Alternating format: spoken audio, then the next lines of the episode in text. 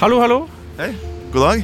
Hei, Leif. Hvor er vi i dag? I dag er vi utafor Teknisk museum. Ja, for Vi tenkte å ta dere med på en liten reise i vårt teknisk museum. ja.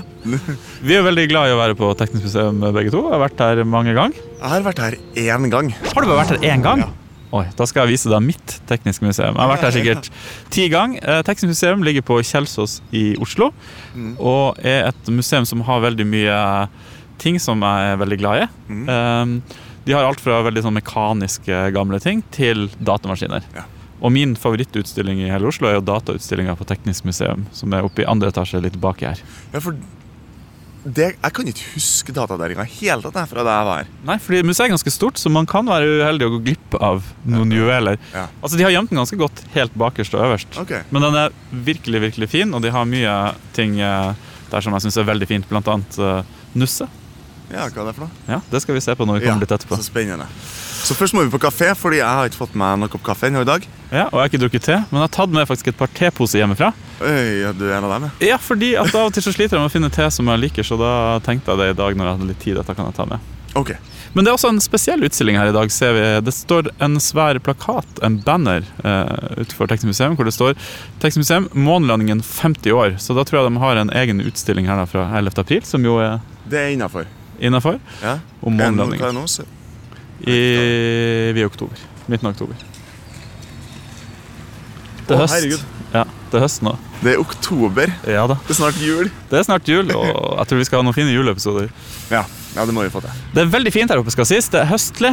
Det er gule blader på trærne og røde bær på de buskene som henger rundt her. Ja. Og det, det ser ordentlig ordentlig fint ut. Jeg tror vi kommer til å få en drømmedag på Teknisk museum. Det her blir fantastisk. Sånn, nå har vi kommet inn på museet her, og vi eh, tenkte å spise litt lunsj før vi setter i gang. Hvordan smaker det? Det Smaker kjempegodt, faktisk. Det er, hva er det her? Foccaccia med salami og feta? Ja, akkurat sånn mat som eh, Leifern eh, liker. Uh, og jeg er jo veldig veldig overraska over at dette er din andre gang på museet. Altså Jeg vil jo tro at dette er et museum du har vært veldig mye på. Man skulle tro det. Men um, det har rett og slett bare aldri blitt sånn.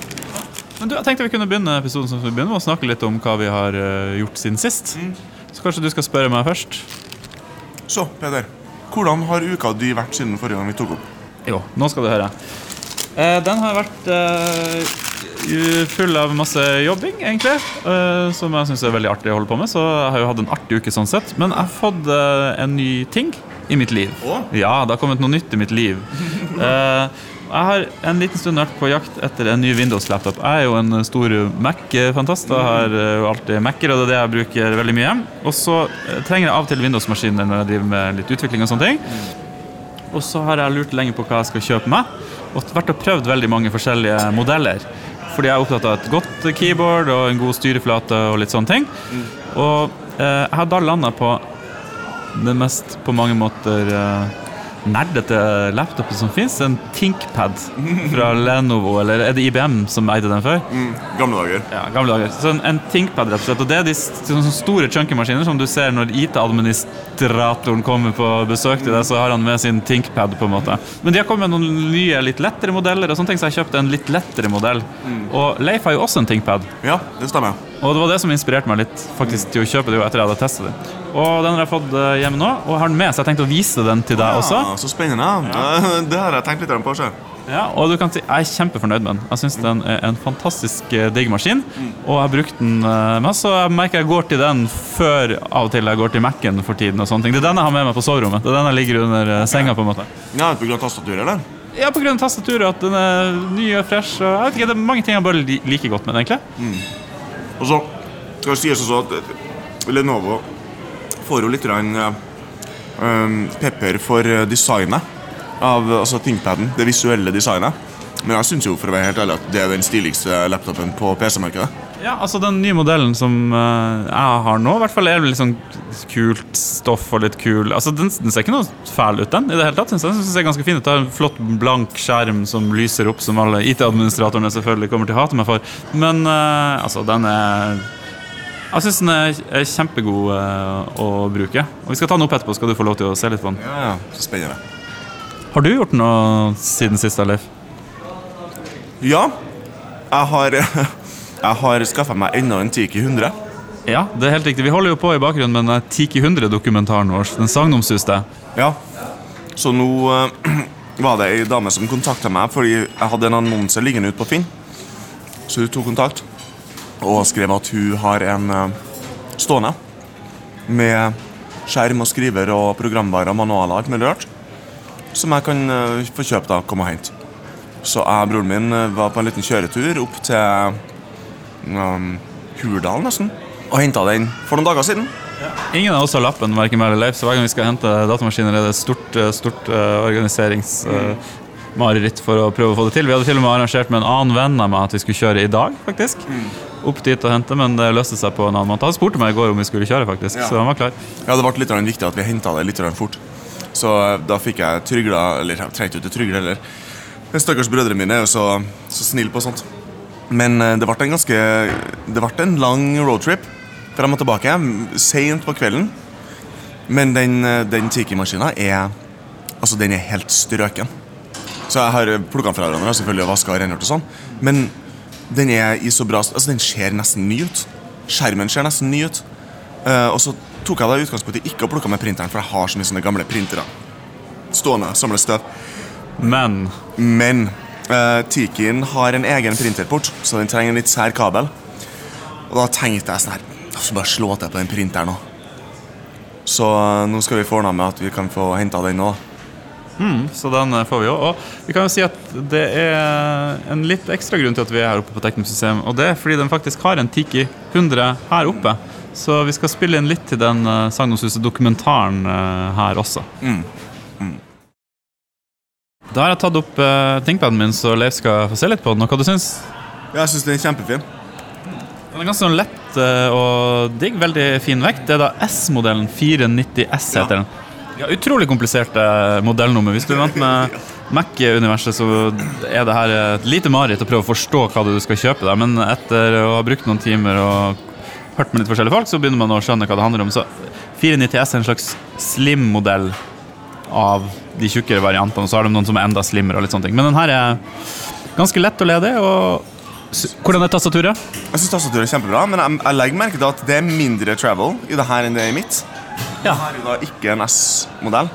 Så vi har begge to T-serien. Du har T490, jeg har T580. Jeg er blitt så glad i den at når jeg ser Leif sitter og trykker på den, så får jeg lyst til å, å ta den tilbake og trykke litt på den, eh, ja. på den sjøl. Så det har gått eh, veldig fort, den eh, forelskelsen. Det tastaturet er jo helt eh, magisk. Det er ingenting som kan sammenlignes med det tastaturet på markedet. Det er helt dust. Ja, det er fantastisk digg. Men nå skal vi snike oss bort til kassa og kjøpe billetter, og så skal vi på eventyr. Er det noen som er klar for å dra på eventyr? ja, jeg er klar. Da skal Leif kjøpe seg en billett. Hei, kan og kjøpe en billett her, da? Det dere. Ja. Ja. Skulle gjerne hatt en for en bokse. ja, da blir det 150. Ja.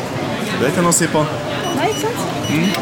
Ta gjerne billetter også, hvis det du ha. Da er det kart her, hvis du trenger det. Ja, takk skal du ha. Kart? Ja, det må du ha. Nei, jeg har vært her så mye. Trenger noe kart. Å ja, jeg tar, tar med suvenir. Kartsuvenir. Ja, kartsuvenir. Den henger på veggen. Tusen takk.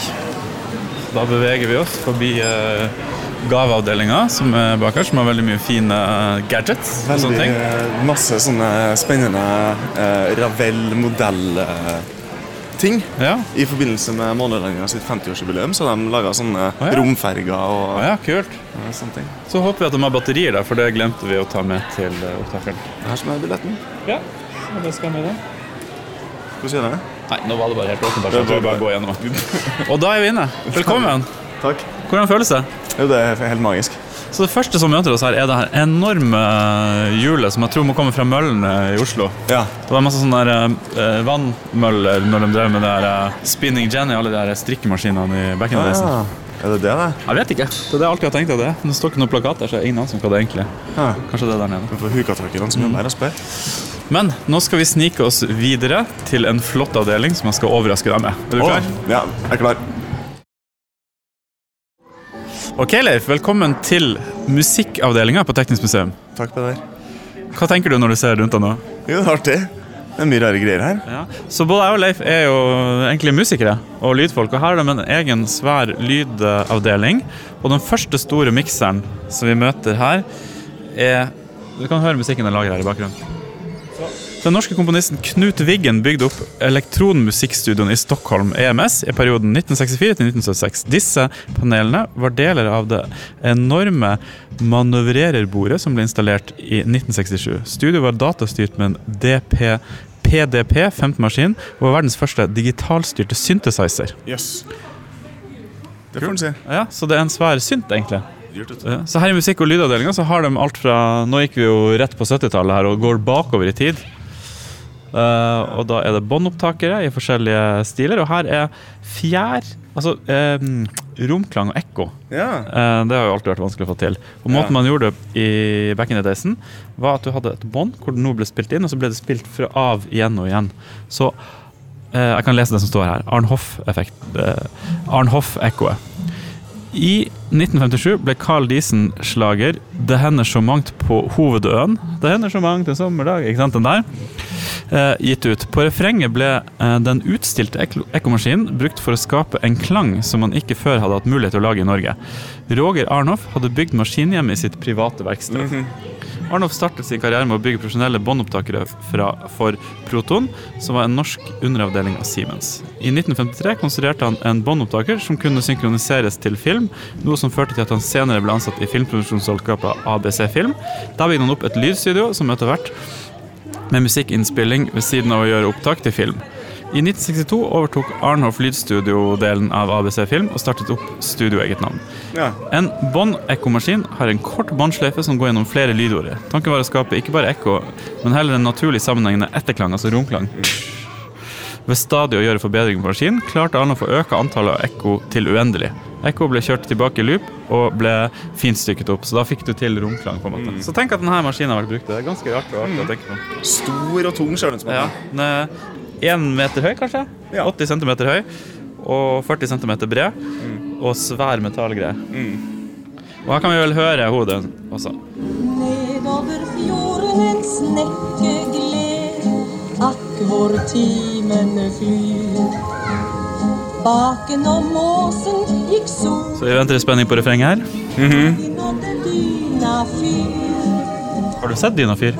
Nei. Det er sånn I Oslofjorden, når du tar uh, båt over, så er det plutselig et fyr som bare står midt ute. Fantastisk. Jeg har så lyst til å dra dit.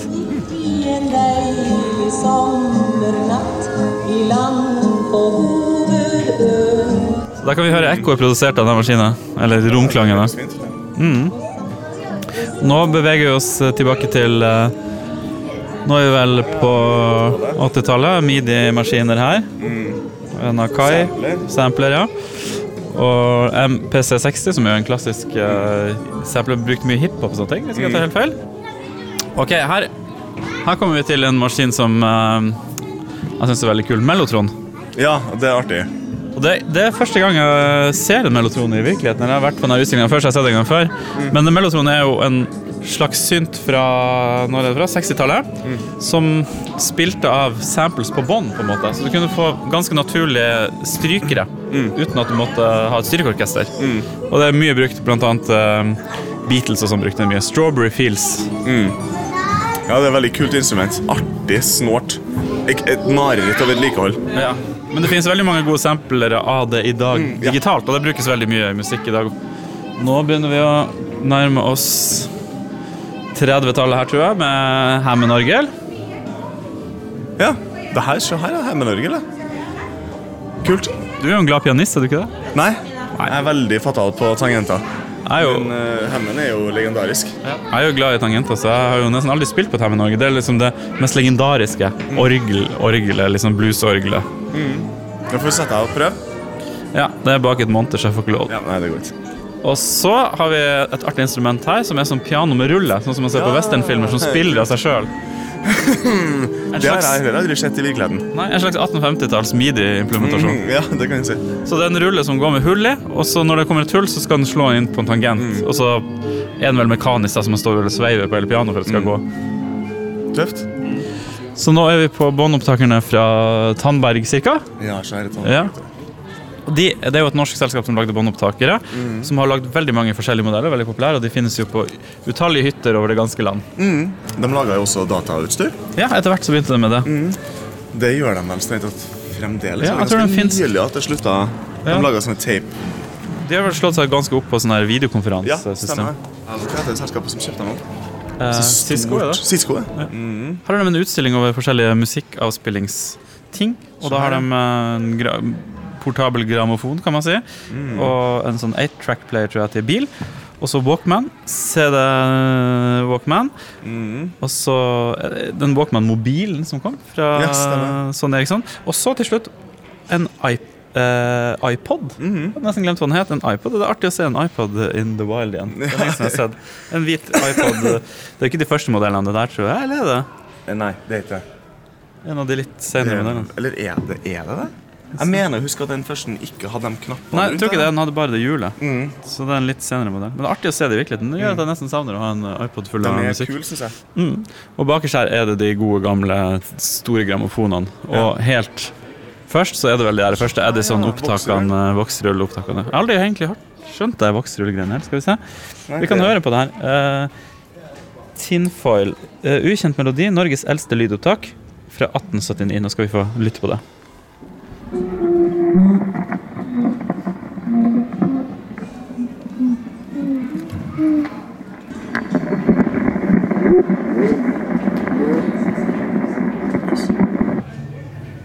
Ja, det var vanskelig å høre hva det var, og det det var det for oss også. Det bare høres ut som noe lyder, men det er tydelig et opptak som er blitt gjort.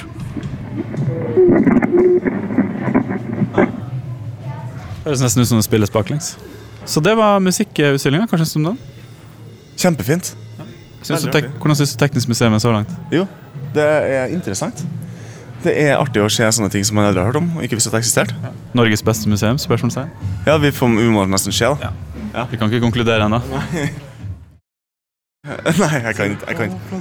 Nei, det er jeg får ikke det til. Nei, jeg klarer ikke. Leif sa akkurat han så et skilt her der det sto planetarium, og så sa han så ømt Å, planetarium! Så nå skal vi gå ned på Det var så genuint at jeg klarer ikke å, å gjenskape det. Skal vi gå ned på planetariet deres uh, her.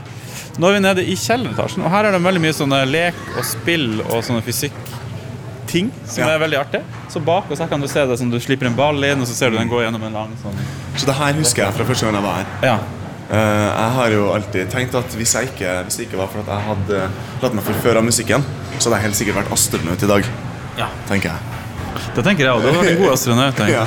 Her er klokkeavdelinga. Ja, det er jo mye artig, altså. Klokker har aldri jeg vært spesielt fascinert av, men eh, Nei, det er artigere med planeter. Jeg mener at at det her skal røre seg. Å, Ja, dæven. å, dæven, kult. Ok, Så vi slår på en stor, vi slår på en stor tromme nå. Og så kan vi gå lufta som bølger. Ja, Så kan vi se bølgene feste seg bak der. Ja, vi kjenner lufta. Jeg skal prøve å treffe deg i fjeset. Ja. Å ja da, jeg kjente det godt. Jeg tror mikrofonen kommer til å plukke det opp òg. En gang til. Da tipper jeg mikrofonen blåste litt grann ut. Det var kult. Lufta flytter seg veldig sakte, så når vi slår, så tar det jo tre sekunder. Der traff den, ja. Så tar det sånn tre sekunder før det treffer uh, noen sånne ting på andre sida. Og lydkasteren her er veldig artig. Hvis du går der, der, så går jeg på andre siden, så kan vi Det er en avstand på kanskje 20 meter.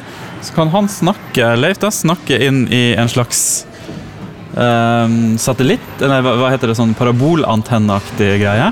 Så hvis Leif, hører du meg? Ja, jeg hører deg. Ok, så nå skal jeg sette mikken mot. Kan du snakke litt i mikrofonen, Leif? Hallo, hallo, hallo. Hører du meg, eller? Ja, jeg hører deg. Fortell en liten historie. Ha en liten historie? Nå står vi med ryggen til hverandre på hver vår ende av rommet her. Og så hører jeg deg altså, Jeg hører deg kjempegodt, men jeg hører deg. Det er helt merkelig. Ja, det er helt merkelig. Veldig, veldig rar og fin lyd.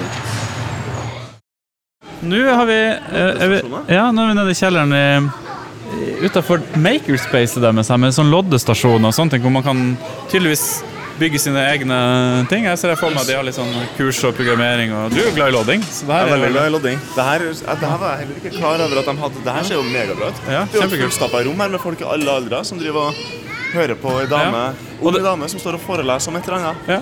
Og det er mye folk her hele tiden, det er så det er et veldig levende museum. Ja. Det liker jeg. Og en artig ting de har her ofte, er um, sent på Teknisk museum. Som er eh, Teknisk museum for voksne, har det også hett noen ganger. Okay. Som er at det er åpent til midnatt, eller noe sånt. Og så har de flere barer rundt omkring hvor de selger øl. Så går man rundt og drikker øl og henger på Teknisk museum, og så har de litt sånn artige um, show og folk som har foredrag og sånne ting. Men du kan jo bare gå rundt som du vil og se ting. Høres ikke det gøy ut? Det høres kjempebra ut. Det var faktisk forrige torsdag, tror jeg. Men jeg rakk ikke oppå. Men jeg har vært på det mange ganger. Så. Det er det som er så snodig med å bo i en sånn by sånn som Oslo. At det er på en måte så svært, og det er så mye som skjer. Og så vet jeg, jeg jeg er ikke på Facebook. Jeg får ikke med meg noe. Jeg får ikke med meg noen ting. Nei, ikke heller, men jeg har liksom blitt bevisst på det etter å ha bodd her i mange år. De kule tingene. Da, jeg synes jo Sent på Tekstmuseet er virkelig en av de artige tingene. Nå står vi og ser på en haug med bare gamle TV-er som er satt opp. Ja, Men hvorfor de er satt opp, vet jeg ikke, for det står ingenting. Jeg tror det er nesten bare fordi det så kult ut. ja det er sikkert det. Nå er vi på baksiden av TV-avdelinga. Da kan vi se inn i TV-ene hvordan de funker med de rørene og de bilderørene. Da De sånt. har åpna dem opp på baksida, så man kan se bak. da Og det er veldig mange rør i denne TV-en. Så Én, to, tre, fire, fem, elleve Hjelpe meg. Masse, masse rør. Rør 12, 13, 14. Philips Miniwatt. Det står det i Tror du begrepet kommer derfra? Masse rør? At det blir så forvirrende? Nei, jeg tror ikke det. Men uh, interessant, uh, interessant forslag. Det her har vært sånn drømmeplass å jobbe. Ja, og det er artig at du sier det, fordi faren min han jobba faktisk på Teknisk eh, museum. Ja. Han var sivilarbeider i Oslo på Helt på slutten av 60-tallet, begynnelsen av 70-tallet må det ha vært. Og han har fortalt historier om det. Da lå Teknisk museum eh, Nå er vi på Kjelsås, som er ganske langt oppe i Oslo, men da mener jeg at det lå på Tøyen når han jobba der. Oh, ja. Mulig jeg husker feil. Og han hadde masse artige historier derfra. Blant annet så var det en oljekrise i Norge. Det må ha vært under den oljekrisen han jobba der. Mm. Jeg kan ikke, vet ikke helt hva som skjedde, men plutselig ble det mangel på olje og bensin. Så man kunne, bare, man kunne ikke kjøre bil, eller man kunne bare kjøre en gang i uka. eller et eller annet sånt. ja. Og da hadde Teknisk museum en bil som gikk på ved. Altså du fyrte. Den gikk på vanndamp. Så da kjørte de rundt og reklamerte for Teknisk museum i Oslo. Det var ingen andre biler på gata Nei, dem på en måte som kjørte rundt. Kult. Så det hørtes ut som et veldig artig sted å være sivilarbeider. ja. Og sikkert et populært sivilarbeidersted der òg, men nå Ja, er det vel slutt på den ordninga. Altså. Ja, det? Det er masse det. sånne unge folk som jobber her, virker det som. Ja, men uh, om det er sivilarbeidere, vet jeg ikke. Eller Det er godt mulig. ungdom. Herregud, det, er det har jeg lagt merke til at folk i 20-årene ser ut som ungdommer. Ja, det er det som er. blir. Ehm, nå er vi inne på sykehusavdelinga, det syns jeg er en veldig morbid avdeling. Det er noe ekkelt over sånn 100 år gammelt legeutstyr, på en Ja. måte. Som jeg alltid har Det funnet veldig ser ut som at det gjør vondt. mm. Så nå står vi og ser på en seng, en ganske liten seng. Mm. Og de er veldig fine, de her utstillingene òg, og veldig sånn personlige. De har dagboka til en som eh, har ligget her, eller rapportboka ved Rikshospitalet fra 1952. Søstrene var tilgjengelige for pasienten hele døgnet. De arbeidet enten lange dagvakter eller lange nattevakter. Klokka sju om morgenen var det vaktskifte. Dagvakten mottok rapport fra nattavdeling søster. Oversykepleier fikk rapport på sitt kontor, og den skriftlige rapporten ble lest på legenes morgenmøte. Og her er da den lille rapportboka som man kan eh, se i. Sonde med intravenøs kanyle. Tenk deg når den lå inni et gammelt, urolig menneske. Da satt vi der hele tiden og holdt armen. Jorunn Mathisen, sykepleier 1960-tallet. Det er noen sterke historier rundt der, altså. Barna har, barna har sovet bra, står det i den rapportboka. Mm. Det er noe veldig fascinerende når de gamle, litt sånn grålige rapportene fra 50-tallet, sånne endeløse bøker med ting som er skrevet.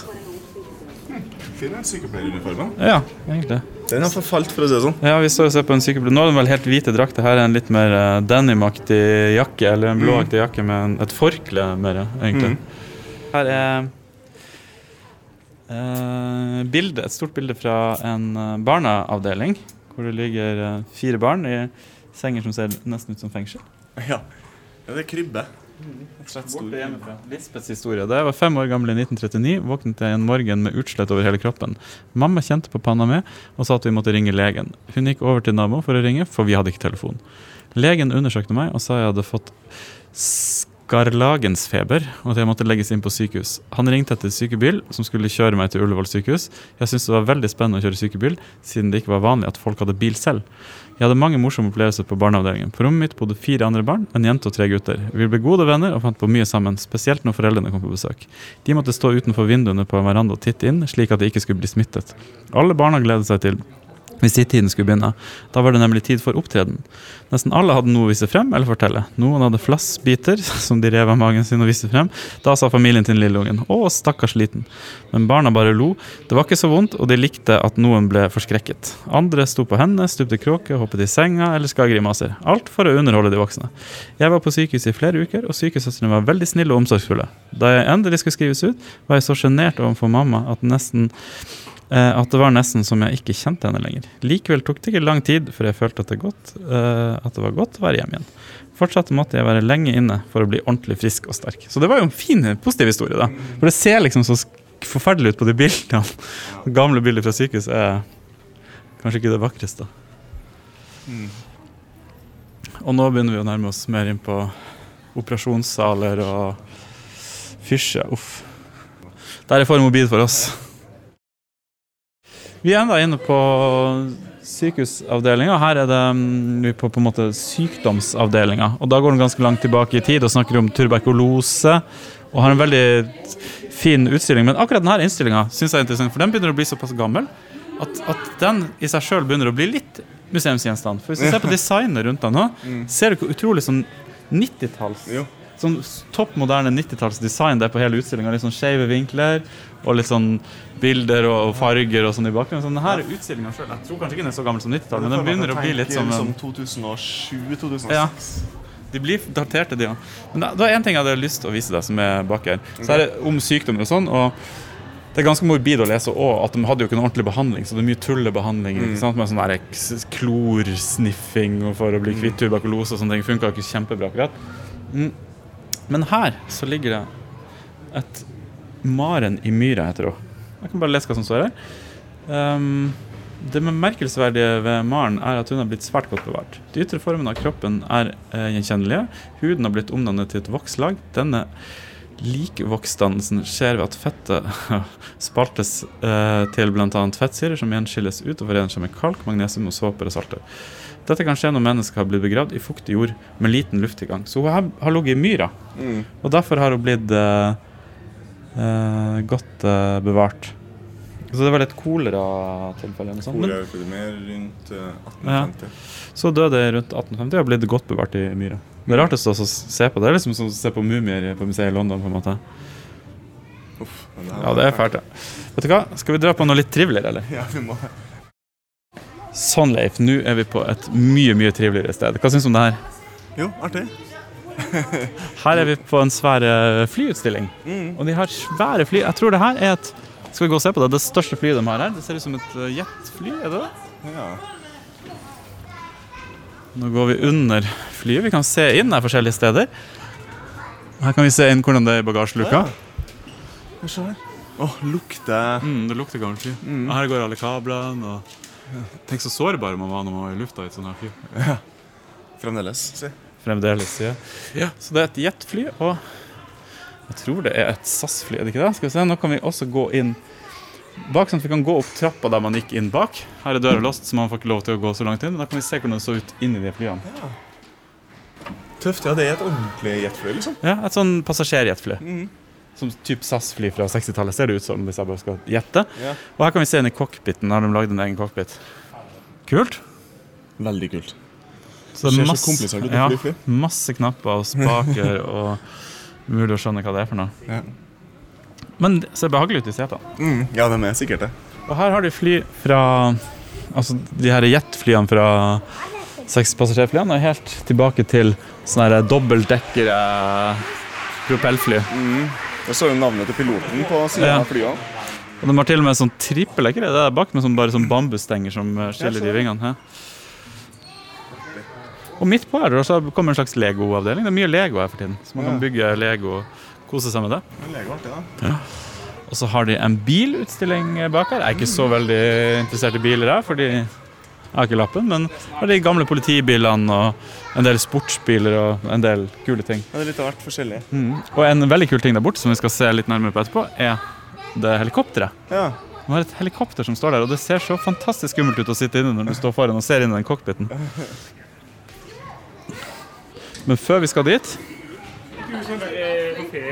så skal vi innom en annen veldig fin utstilling. Du kan jo nevne det at her er en togutstilling også som vi Er du glad i tog? Ja. Å ja, her er mange fine tog. Har du vært på Trikkestallen i Oslo? Har du hørt om det trikkemuseet? Nei. Ok, så det er trikkemuseum i Kanskje det er det som er Norges beste museum. Kanskje. Der har de trikker, alle trikkene og bussene som på en måte har gått i Oslo. Og Man kan gå inn i de og se. og sånn. Det er ganske gøy. Vi kan jo se litt på de togene hvis du er interessert i det. Det må vi. Vi må se på tog. Her foregår det et eller annet. Her er et stort foredrag. Se her, ja. Jeg visste ikke at du var en toggutt. Nei, det er kanskje litt å ta i å si det, men jeg syns det er artig med tog. Vi hadde sånn merkelig togsett da jeg var liten. Og eh, det er bare helt siden da så har jeg bare syntes det var fascinerende. Men jeg er ikke en sånn eh, togtitterperson som kan masse om forskjellige eh, togmodeller og sånn, men jeg syns det er fine, fine konstruksjoner. Ja, jeg syns det er artig å se på de gamle togene. Her kan vi gå inn i en kupé som er inne, på vei inn nå. Ja. Så her, men her er det sikkert en veldig gammel kupé. Men jeg, oi, her sitter det en person! Jeg trodde det var en dukke som satt der. Um, men jeg kan huske um, når jeg tok toget til Trondheim før. Det er var ikke så ulike de kupeene. De nedrøyka røykevognene på en måte på begynnelsen Vet du hva? midten av 90-tallet. slutten Det kan, jeg kan ikke huske om noensinne har satt i en kupé i Norge. Oh, ja. Men eh, da jeg var på ferie i Østerrike et år, så satt vi i en sånn kupé sånn her. Så tok vi toget fra, fra Wien og til hjembyen til Arnold Schwarzenegger. Oi, nice. Mm, og da satt vi i en sånn eh, Det var tilfeldig, altså. Vi dro ikke dit fordi det var Arnold. Å nei, ok. Vi dro dit for å se på en borg, og den byen er søsterby til Trondheim. Mm. Nå husker jeg ikke Graz, kan det være det? Jeg husker ikke helt. Ja, Men det høres eh, eh, riktig ut. veldig fin, eh, veldig, veldig fin by. Mm. Og artig å sitte i kupé. Nå er det motorsykkel og veldig gamle biler. Her er 1925 Bjerling motorslede-type gamle, gamle biler. Her er kong Haakons første bil. Å ja, kult! Den har vi nesten sett på Ser ikke så mye som jeg har sett den på bilder eller på film. Interessant med de her gamle bilene er jo hvor store de er. Så Jeg har aldri reflektert over at de er så svære. mye større enn dagens eh, biler. Kjempestore vogner. Her er en- jaggu meg en Porsche fra 1905. Ja. Den blir til museet i 1930. jeg skjønner. Og så har de en elektrisk bil her fra 1919. Så en tidlig Tesla. ja. Helt Milburn elektrisk bil. Interessant. Ja, men Det er jo egentlig veldig nærtliggende å tenke. Er ikke det her bilen som han der kong Olav hadde når han var barn? eller noe sånt? Er det? Ja, kong Olavs Cadillac. Han hadde jo en sånn liten lekebil man har sett sånn bilder av. Jo, her er den. Julen 1912 fikk ni år gamle kronprins Olav en elektrisk drevet miniatyrbil av sin bestemor dronning Alexandra av England. Så kult! Ja. Grønn og fin, liten, det her, eh, eh, monarkiet. Ja da. Det gir hverandre sånne fancy Og her har du jaggu meg bygd en bensinstasjon, også en liten Esso-stasjon. For et fantastisk Du, du begynner å bli enig i at det her kan være eh, et godt museum. Ja. Ford modell T fra 1913 og en eh, Essolube. Ja, det må jo være olje eller noe sånt, da. Ja, Sikkert. Kan man se i en vindu hvordan det kanskje så ut som på bensinstasjonen på den tida. Så er det et svært foredrag, så vi skal snakke litt stille når vi går forbi. Og det, det er mye venter her, og mye gøyale ting som skjer. Jeg er jo en det vandrende reklameplakat for dem. Ja, Det virker som at det er ganske mye sånne eh, omvisninger, aktiviteter, foredrag og generelt sånne ting som skjer. da. Her er det masse keyboard som bare står. Oh. Hva er det for noe? Er det keyboardavdelinga, eller? Bare Da er det til salgs. Er folk som selger keyboardene sine. Å? Er det sånne sjølsammensatte greier? Hva i all verden er det her for noe? Vi er jo veldig glad i keyboard. Det her var jo en eh, kjærkommen eh, så, eh, Kan vi prøve å trykke på den? Det er vel det som er. Så digge, masse digge mekaniske tastatur. Vekt fire kilo, skal vi kjenne på det. Sa Kjenn på det keyboardet. Å, dæven. Så er det IKBC MF87 Cherry Mix Brown. Jeg vet ikke hva det er, om man har bygd det sjøl. Det ser ut som et ganske gammeldags uh, keyboard, men det ser ut som en moderne som er bygd i gammel stil. Men det veier da fire kilo. Digge tester. Veldig lette tester. Så det vet vi. Cherry Brown er lettere enn man skulle tro. Jeg drev og vurderte å få skreddersydd et tastatur til Amigaen Ja. med Cherry Brown-switcher, men det her er for lett for meg. Nå har vi rotasport. Nei, vi har ikke rota oss i det hele tatt. Vi er akkurat der vi skal være. Se rundt deg. Hva tror du det her er for noe? Her er morse. Morse, ja. Hva begynner vi å komme inn på da? Eh, Kommunikasjon? kommunikasjon te, eh, på Ja, på Vi er på? Telemuseet-avdelingen. Og her syns jeg er fantastisk fascinerende å se. Så her er en uh, utstilling. For det, det første man eh, kommer til, er De har bygd sånne rom hvor du kan se hvordan en sånn eh, switchesentral var. Det sitter jo alltid sånne kvinner og liksom du switcher de telefonene. Og vi er vel på 1920-tallet. Ja. typ i starten av denne uh, telemuseet. International Bell Telephone Company, så det var jo de som var store på Mm. På det her er masse dokker som sitter og, og gjør det. Og så er det her eh, et artig område, syns jeg. Her kan vi ringe hverandre i forskjellige telefoner. ja. Så hvis Leif nå går Nå er jeg på Hva er du for noe? nummer hit er 1, 2 eller 6. Så da står jeg og ser på en eh, Zodiac Freedom 20-telefon. Sånn klassisk 80-tallstelefon med litt rosa og svart. Og, og Telenor, eller Televerket, de hadde jo bare noen faste telefoner som alle i Norge fikk. Så de aller fleste har jo på mange måter de samme Jeg har sett de samme telefonene, vokst opp med akkurat de samme telefonene. Det var ikke så mange telefoner man kunne kjøpe. Prøver du å ringe meg, Leif? Her er denne telefonen, husker du, ikke sant? Ja, ja. Det var den jeg hadde da jeg var liten. Ja, ikke sant? Fordi alle i Norge hadde de samme telefonene. Fordi Telenor eller Televerk som dette sendte jo bare ut de samme telefonene. Du hadde ikke så veldig mye valg. Nei. Før det begynte å komme litt sånn trådløse telefoner. Jeg tror kanskje ikke de her funker Altså, Jeg kan jo huske at når jeg var liten, så fantes sånne her utstillinger. Så det har stått i mange år og gått litt fra hverandre. Jeg husker de hadde på teleområdet her så hadde de en utstilling med oh, ja. videotelefoni i gamle dager. Da. da kunne vi teste det, og så var det sånn Å, det her kommer alle til å ha om ti år. Og så, Ja. så Ja, det det har så jo på en måte Ja, men det er ikke så populært. Oi. Her er konferanse, så her må vi være stille. Ser ut som de har kurs i CSS eller noe sånt. Ja, så sånn. Så litt eh, Så nå Se på det her. Her er utstilling av alle telefonene.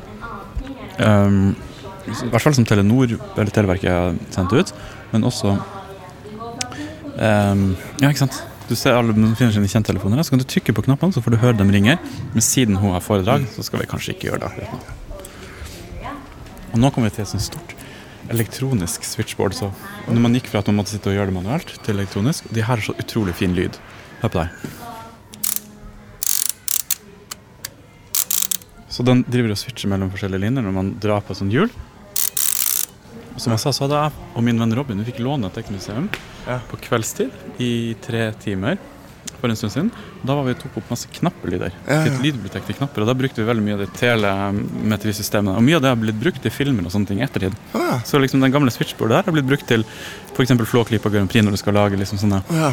Sveive. sveiver og sånne ting. Liksom. Så har de lydene eh, blitt brukt. Så det er veldig artig. Tøft. Ok, Leif. Og nå kommer vi til høydepunktet. Hjertet av Teknisk museum. Det bankende hjertet av Teknisk museum. Flytårn. Flytårn. Ja, vi kan stoppe innom her. Flytårnavdelinga? Det var ikke det som var hjertet. Men her har jeg også vært Jeg fikk faktisk komme inn, Vi står og ser nå bak et monter inn i hvordan et flysårn så ut i der, er- Du ser kontrolltårnet på Sola lufthavn, slik det ser ut, på midten av 70-tallet. Mm. Og Da fikk jeg og Robin gå inn her og ta opp knappen og trykke på det der. Det var veldig artig. Hvordan klarte dere å få ordna det her, da? Det var veldig grei. Han, Robin kjente han som dreide eller en kjente kis som noe, kjenner eller- en ja, og så sånt. Så plutselig hadde vi det bare. Og folk sitter jo her og jobber på kvelden uansett. Altså, Ja. så det var ikke noe, det er et veldig kult flytårn med, med veldig sånn masse paneler og knapper. og Vanskelig å skjønne hva det er, men det er masse lys på dem. og telefoner. Det var artig å være der inne og prøve å lese. og Mye som står på norsk, egentlig. Tøft. Og mye sånn kommunikasjonsting og tang. Det er en Mm. litt mm. finurlig YouTube-kanal der det er en fyr som er sånn flytårnsoperatør. Jeg Vet ikke hva det heter, sånn egentlig den tittelen, men han har en eh, YouTube-kanal der han sitter i Flight Simulator. Flygeleder heter det, tror jeg. Ja, flyveleder, sikkert det. Han sitter i Flight Simulator. Der kan du En av rollene du kan ta, i tillegg til å fly fly, er å sitte i et sånn flytårn. Og liksom godkjenne landinger og administrere liksom landings... Så du leker flygeleder, Ja, på en så han sitter her og gjør det, og, det- og det er jo helt kaos. Det er helt Texas hele tida. Men det, det, det er morsomt, liksom. Oh, Og her er vi. Ja, Nå skjønner du hvor vi er nå. Hvor er vi nå? Eh, nå er vi i dataavdelinga. Hjertet av Teknisk museum? Ja, det, ja, det, altså, Eller hjernen? eh, det er jo i hvert fall eh, fryktelig interessant, da. Ja. Nå står vi og ser foran at, Det her har jo ikke du sett før, da? Nei, det her har vi ikke sett før. Okay, så nå står vi og ser Vi kan begynne her, da. Ja. Et monter med fire, åtte, tolv maskiner Mm. fra 70-tallet og opp til 80-90-tallet. Ja. cirka. Hvor de har samla ganske mye fine maskiner. Mm. Og eh, jeg kan jo si til venstre rett foran oss så står det en Tiki 100 Mm. fra 1984. Og det her er mitt første møte med Tiki. Ja, ok. Den her er jo da faktisk eh, interessant nok litt mindre fresh enn den siste som jeg plukka opp. Mm. du har en bedre Tiki er 100 en, en, en bedre fresher tiki. Det jo mye eh, andre fiender av Commodore 64 her oppe. Mangler en tast, så det er en freshere Commodore 64 enn den her. Ja. Macintosh Plus. En IBM. Å, se på den. Den var fin. Ja, den er kul. En Det, det er en fyr på Finn som selger en sånn nå. Til altfor mye penger, selvfølgelig. Hvor mye, hvordan prosess Hvordan, eh, Den er fra er 81? 88. Ja, det er det. En Tandberg-maskin her nede, som ser ganske interessant ut. Blå. Ja. Intel 8080. 8 bits. Tandberg fra 79. Veldig kul skjerm, se på den. Wow. Det ser ut som det er en slags folie over skjermen, eller hva i all verden er det her? Og så Motorola, maskin fra 78. Helt nederst her. Eh, med en liten skjerm, ser du det? Mm. Bitte, bitte liten skjerm. Som er festa på kabinett, og så tastaturet på utsida. Det her er liksom før designene var noe særlig satt. Så så kule design på det. Det var mye friere i hvordan det skulle se ut. Her, Mikron, det er jo kjent for å være en av de første eh, sånn mikrocomputerne. En ordentlig datamaskin fra 1974. Veldig, veldig tidlig. Og bortafor der så har de de der eh, uten keyboard som du drev og programmerte med, Ja. med switcher, bare. 1965. Og Her er en portabel, 1. ja. Første, er det første Det er en sånn bærbare første bærbare datamaskin. Ja. Mm. Som ble tilgjengelig på markedet. Ja. Den ser veldig kul ut, med en bitte liten skjerm i midten. Mm. Og et tastatur som du liksom fester på maskinen, og så tar av når du skal bruke den. Så har de et par laptoper. Toshiba fra 86. Kul laptop, egentlig. Mm. Den har en eh, 80 Ja, den er en 286. Mm. Og en Tandberg-skjerm, egentlig. Den en har en PC inni terminal av noe slag, den her. Syns du det? Jo. Og det tastaturet ser digg ut. Ligner veldig på Tiki 100-tastaturet. mm. Så ditt er jo sånne runde knapper. Mm, det er veldig artig. Siemens har drevet med det. Mm. når man får tak i en gammel Siemens-PC som fra sent 80-tall, tidlig 90-tall, så har de veldig likt tastatur som det her. Og Tandberg og Tiki brukte jo Siemens-switcher i tastaturene sine. Så kanskje det er noe slektskap der. Um, den aller første tingen vi ser når vi kommer inn her, er det her mystiske opplegget her. Holiritt hullkortanlegg, innkjøpt av Statistisk sentralbyrå i 1894 og bl.a. brukt ved folketellingen i 1900 og 1910. Så Ja. det her er da en hullkortmaskin hvor man lagrer Se på det her merkelig, jeg skjønner ikke hvordan det funker i det hele tatt. Men man lagrer da data, altså harddisken var et hullkort. Ja. på en måte. Og Da kan du lagre bits og bytes på et hullkort, og så leses det inn, og så regnes det ut med noe klokketelleverk klokke, telleverk og gudene vet hva det er. altså. Avansert, ass. Den amerikanske ingeniøren og statistikeren Herman Hollerith utviklet den elektriske hullkortmetoden på 1880-tallet for å automatisere behandlingen av statistisk data. Metoden ble første gang brukt ved den amerikanske folketellingen i 1890 og ga betydelige effektiviseringsgevinster. Direktøren for Statistisk sentralbyrå, Anders Nikolai Kjær, sørger for at Norge ble det andre eller tredje landet i verden som tok den teknologien i bruk. Anlegget som viser seg, er blant de få som finnes bevart. Det ser fascinerende ut. Litt sånn tre Ser fryktelig komplisert ut. Det er en, um, en pult. Det er nesten som et skatthold som man sitter ved. Og så er det en skjerm eller det er et, et glassmonter foran med en masse klokker inni. Ser det ut som. Masse, masse klokker. Og så er det en sånn her uh, sånn hullkortstempelgreie som er på størrelse med en, en liten PC-skjerm, liksom. Som står foran. Jeg ser, eh, snodig. det her er lenge før datamaskindesignet datamaskindesign var satt. Ja. Ok, Apropos mange rør. Vi skal ta den her først, tenkte jeg. For den der er veldig fin, men her står det noe utafor SAM. Interaktiv datamaskin. Lengst til venstre ser du SAM, interaktive dataskjerm. For å bedre kommunikasjonen mellom mennesker som opererer sammen, og datamaskinen, ble det utviklet en dataskjerm med interaktiv lyspenn. Med lyspenn kunne man på fleksibel måte videreutvikle programmer, drive feilsøker med mer, å peke på den delen av skjermbildet hvor man ønsket forandring. Så en slags mus, en tidlig penneløsning. Mm. Og det her er fra 1962.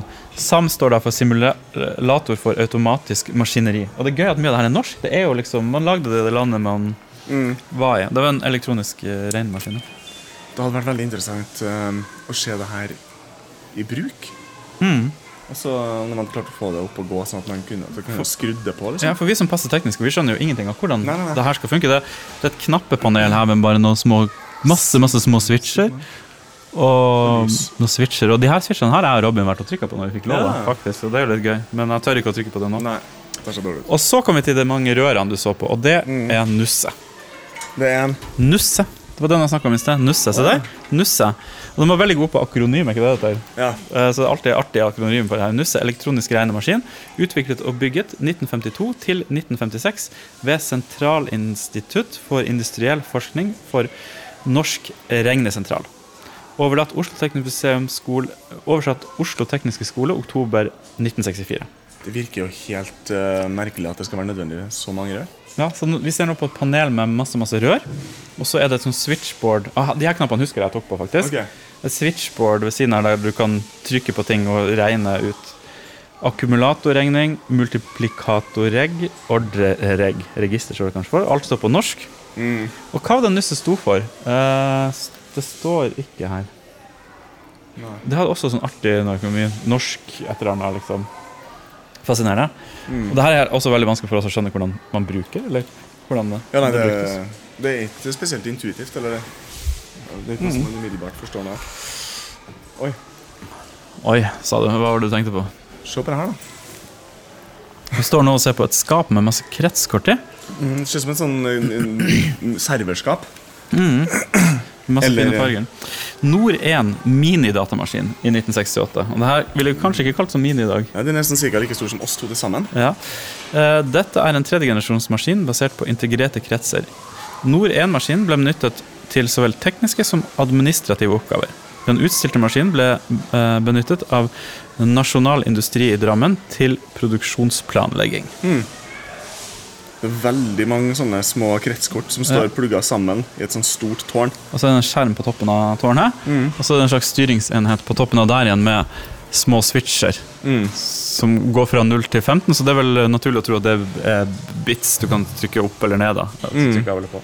Og her er eh, SM3 minidatamaskin fra 69, som er egentlig ganske liten. da. Du ser sånn militærgrade ut. Ja. Kongsberg, så det er kanskje noe sånn.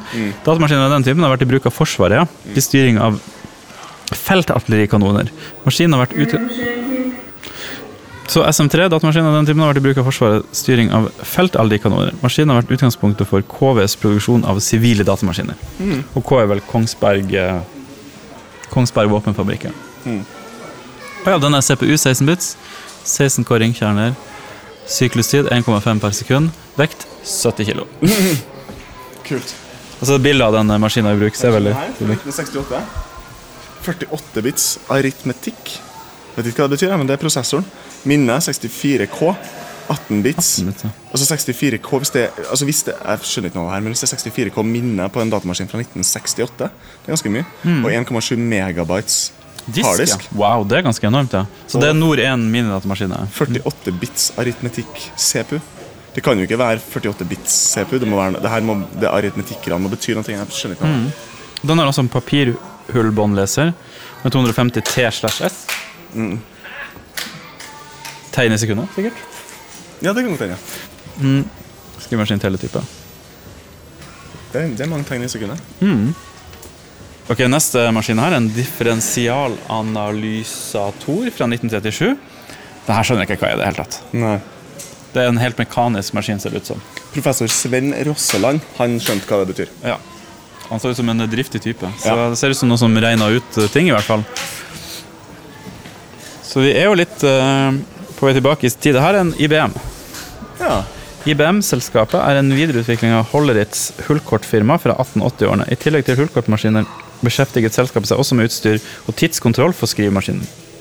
I 1935 ble IBM Norge AS stiftet, og firmaet eh, vokste raskt til å bli en av de største leverandørene av kontormaskiner, til etter hvert også dataanlegg i landet. Så nå står vi utafor Emma, som er en hullkortmaskin fra 1958. Det ser ut som en eh, Den rommer et rom, på en måte. Det er en del forskjellige store deler. Står IBM-logoen der, ganske lik den IBM-logoen som eh, var. Og det er gøy at den laptopen jeg har med meg i dag, er jo også en, da, IBM. Eh, Et slags uh, arvtaker, i hvert fall. Og det Dette er sånn type utstyr som jeg gjerne skulle ha sett demonstrert. Um, sånn hullkortmaskiner, sånne veldig veldig tidlige datamaskiner, som jeg bare ikke skjønner noen ting av. Jeg føler ikke at jeg har funnet noen god demonstrasjon av hvordan det egentlig fungerte. I hvert fall ikke noe som er litt sånn pedagogisk orientert. Det er alltid teknisk, eh, av teknisk art, liksom. Som jeg bare ikke forstår noe av. Da. Ja, og De har flere hullkortmaskiner bak her som går lenger tilbake i tid, og som er eldre. Og eldre. Som har flere hullkortmaskiner her enn de har datamaskiner. Ja, egentlig. Kunne du tenke deg å jobbe oppi denne avdelinga? Ja, det her kunne jeg- det her, Jeg tar den jobben. Tror du du kunne utvide den til å bli litt mer digital? Det, så litt, altså, litt mindre hullkort og litt mer data? Jeg vil data? jo tro at uh, grunnen til at det er sånn som det er, er fordi altså, Sikkert litt pga. plassbegrensning, men også at uh, Kanskje bare, de har vurdert det sånn at det er ikke så fryktelig mye interessant forskjellig å demonstrere. da. Hvis de her hullkortmaskinene er jo helt vidt forskjellige, liksom. Ja. Mens eh, hvis jeg hadde fått lov å styre her, Mm. da tror jeg jeg skulle hatt et par gamle 80-talls 90-maskiner 90-tallsmaskiner skrudd på, slått Mm. opp. En 486 med Doom og litt forskjellige spill du kunne spilt, og Mm. med sånn, vise hvordan kommandoer du kan skrive for å starte ting. Og Det veldig mange hadde sikkert formater C-kolon hele tiden, så vi må drive og, drive og gjøre det. Men det hadde vært verdt det, på en måte. Man kan jo fjerne enkelte kommandoer. Ja, vi kunne Så det kunne man format gjort. Format, f.eks. Men det kunne fint hatt et par-tre maskiner stående der som vi kunne ha kosa Ja, oss litt med. liksom. definitivt. Hatt en CPM-maskin og en Commodore-maskin og en, eh, Mm. en ja, 486. Nå står vi eh, ved det aller, aller eldste maskinen her, og nå er det en hullkortmaskin som bare Som en vever har lagd. Så det, det er vel for å veve mønstre man putter inn i de her hullkortene. på en måte Ja. Og den her er eh, fra 1800-tallet en eller annen gang. Tidlig 1800-tallet, tror jeg. Jeg har et ullteppe vevd på en sånn Ja, Maskin, Kjempefint ullteppe. Ja, det var veldig fint ullteppe. Mm. Så her er litt mer sånn industristyringsting helt bakerst, og så har vi litt sånn regnemaskiner, eh, altså sånne kalkulatoraktige maskiner, som jeg heller aldri forstår helt hvordan Sånn, fungerer. en sånn en lurer jeg på om kanskje ikke Han ser nå på en Brunsviga, ca. 1892, mekanisk regnemaskin. maskin. Utfører addisjon, subtraksjon, multiplasjon og divisjon.